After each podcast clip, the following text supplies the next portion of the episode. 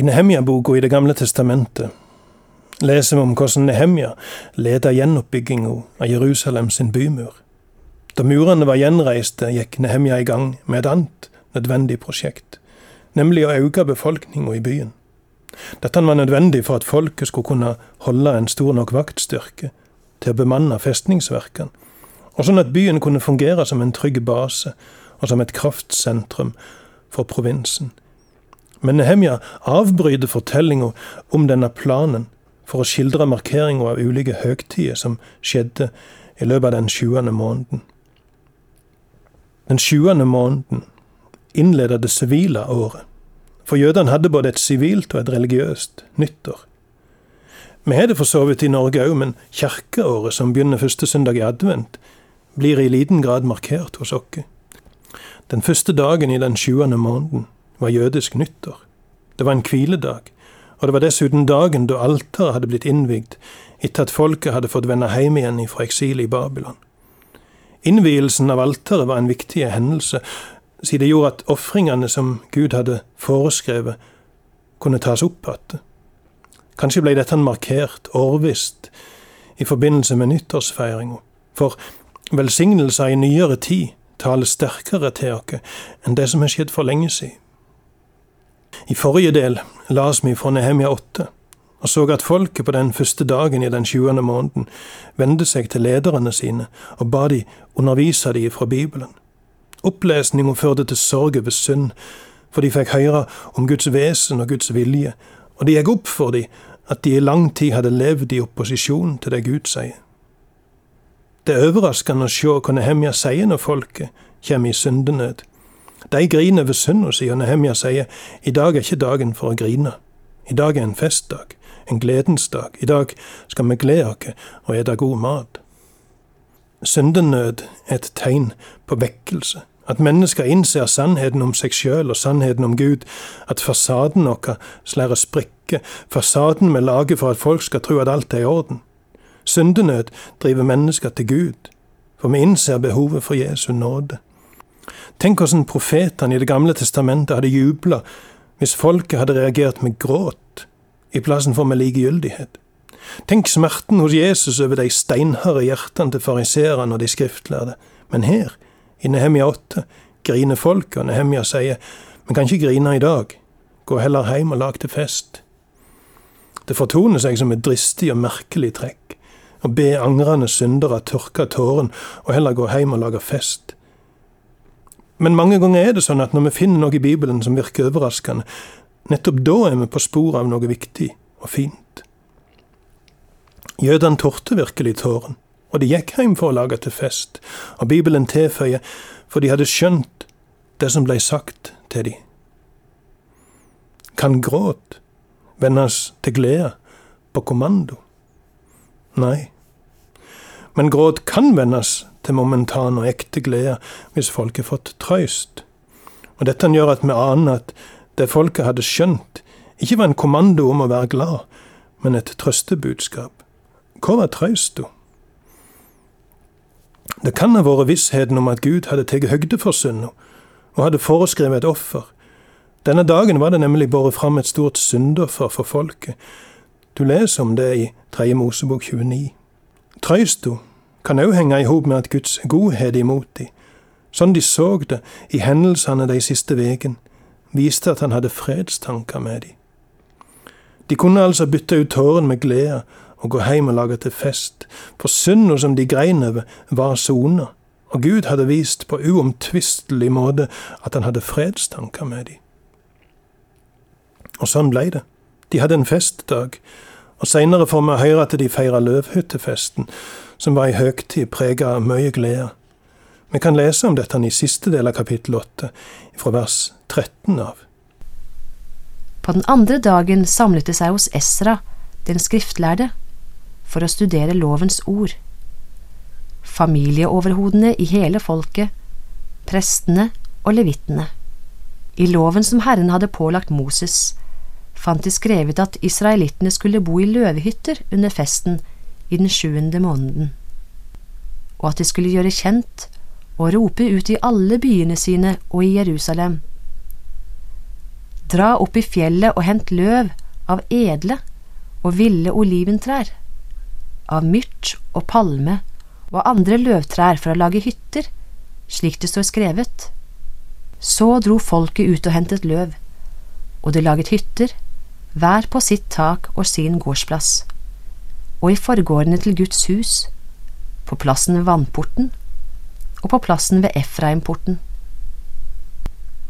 Hele forsamlingen, de som hadde vendt tilbake fra fangenskapet, laget løvhytter og bodde i dem. Før denne dagen hadde israelittene ikke gjort dette siden Josva, sønn av Non, levde. Gleden var stor. Esra leste fra Guds lovbok dag etter dag, fra den første til den siste dagen. De holdt fest i sju dager, og på den åttende dagen holdt de en høytidssamling slik det var bestemt. Etter nyttårsfesten kom folket tilbake neste dag for å høre mer fra Bibelen. Respekten for Guds ord viser seg i at de ikke ser mellom fingrene med forskriften hans, men prøver å følge de til punkt og prikke. Når så løvhyttefesten dukket opp seinere i måneden, leser vi at denne høgtida hadde ikke blitt feira sånn siden Josva sine dager, nesten tusen år tidligere.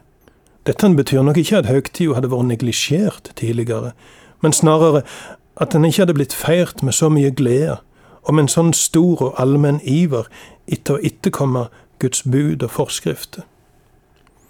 Noen dager før løvhyttefesten hadde det vært ei annen store høgtid, nemlig den store soningsdagen. Denne nevner ikke Nehemja, men han velger i plassen å rette fokus på en annen sammenkomst som skjedde den 24. dagen i måneden, to dager etter at løvhyttefesten var over. Denne samlinga kom utenom høgtidskalenderen. Det var altså ei spontan og frivillig samling der folket tok et inderlig og dyptgripende oppgjør med synd. Vi leser om dette i Nehemia kapittel 9. Den 24. dagen i den samme måneden samlet israelittene seg til faste, kledd i sekkestrie og med jord strødd over seg. De som var av Israels ett, skilte seg fra alle de fremmede. De sto fram og bekjente sine synder og fedrenes skyld. En fjerdedel av dagen sto de på hver sin plass, mens det ble lest opp fra lovboken til Herren deres Gud. En annen fjerdedel av dagen bekjente de og tilba Herren sin Gud.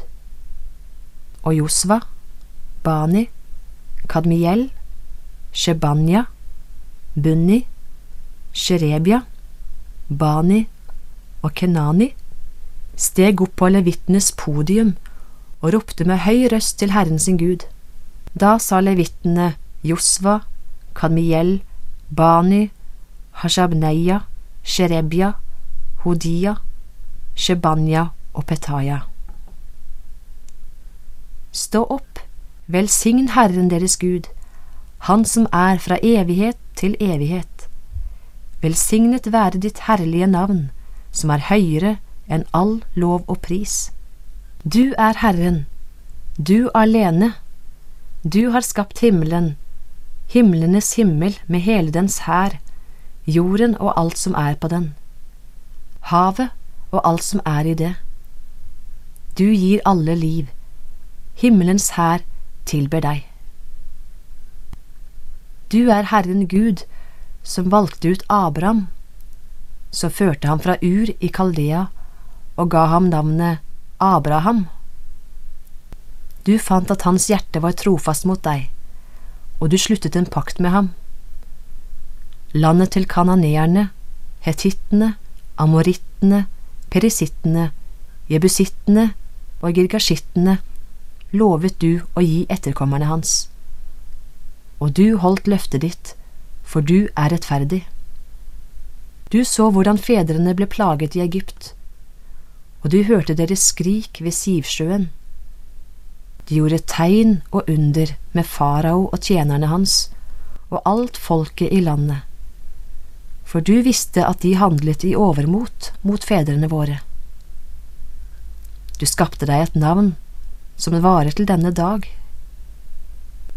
Du kløvde sjøen foran dem og de dro gjennom havet på tørr grunn. Men de som forfulgte dem, kastet du i dypet som stein i det veldige vannet. I en skysøyle førte du dem om dagen, og i en ildsøyle om natten. Den lyste opp veien de skulle gå. Du steg ned på Sinai-fjellet og talte til dem fra himmelen. Du ga dem rette ordninger, sanne lover, gode forskrifter og bud. Din hellige sabbat kunngjorde du. Bud, forskrifter og lov ga du dem gjennom Moses, din tjener. Brød fra himmelen ga du dem mot sulten, og vann lot du strømme fra klippen mot tørsten. Du bød dem dra inn og ta landet i eie, det som du med løftet hånd hadde lovet dem. Men de var hovmodige og stivnakket, fedrene våre. De hørte ikke på dine bud. De nektet å høre og husket ikke dine under som du hadde gjort for dem. De var stivnakket og tok seg en leder for å vende tilbake til slaveriet i Egypt. Men du er en Gud som tilgir, du er nådig og barmhjertig, sen til vrede og rik på miskunn, og du forlot dem ikke. Dette er et langt kapittel, og vi må stoppe lesinga her for i dag. Men én ting vi kan merke oss, er at en veldig stor del av denne bønna som Esra ber på vegne av folket, handler om Guds godhet og folket sin trass under ørkenvandringa på Moses' i tid. Dette er nok ikke tilfeldig, for folket hadde akkurat feirt løvhyttefesten til minne om denne ørkenvandringa. Mosebøkene hadde blitt lest, og folket hadde blitt minnet om hvor truløse og opprørske Israel hadde vært, til tross for alt det gode Gud hadde gjort for dem. Og de har plutselig skjønt noe om Guds ufattelige truskap mot et truløst folk. Erkjennelsen av Guds nåde fødte denne store vekkelsen som kapittel 9 forteller om. Guds godhet driver deg til omvendelse, sier Paulus, og her i Nehemja-boka får vi et mektig eksempel på akkurat dette. Vekkelsen handler ikke først og fremst om folkets sorg over synd som var gjort av forfedrene deres tusen år tidligere. Det handler nok heller om at de så historien om ørkenvandringa som et bilde på de sjøl. De som var samla i Jerusalem denne dagen, hadde nemlig en annen utfrielse friskt i minne. Utfrielsen ifra eksil i Babylon. De minnes òg ei annen vandring, ei som de sjøl eller foreldrene deres hadde vært med på på vei hjem fra Babel. Gud hadde fridd de ut og ført de hjem.